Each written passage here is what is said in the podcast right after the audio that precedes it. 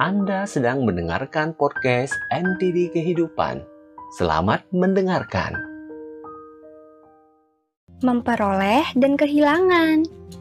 Di sebuah kota, ada seorang pengusaha yang sangat sukses. Setiap tahunnya, dia selalu mendapatkan penghasilan yang tinggi dan bisnisnya selalu berjalan dengan lancar. Suatu hari, dia bersama ayahnya mengunjungi sebuah restoran yang paling terkenal di kotanya. Kebetulan saat itu, di dalam restoran sedang ada seorang pemain biola yang memainkan biolanya menghibur tamu-tamu restoran. Pengusaha ini mendengarkan musik biola tersebut dan sangat meresapinya. Ia teringat kenangan masa mudanya saat ia tergila-gila dengan biola.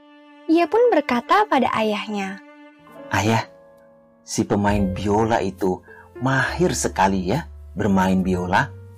Saya sangat terpesona melihatnya. Andai saja dulu saat remaja saya bisa serius belajar bermain biola, mungkin saya sekarang juga akan sama mahirnya dengan dia. Ayahnya tersenyum mendengar perkataan anaknya ini. Ia pun menjawab, Benar anakku, tapi jika demikian, maka kamulah yang akan bermain biola di sana. Dan tidak mungkin kita bisa duduk di sini menikmati makanan sambil menikmati musik biola yang indah itu.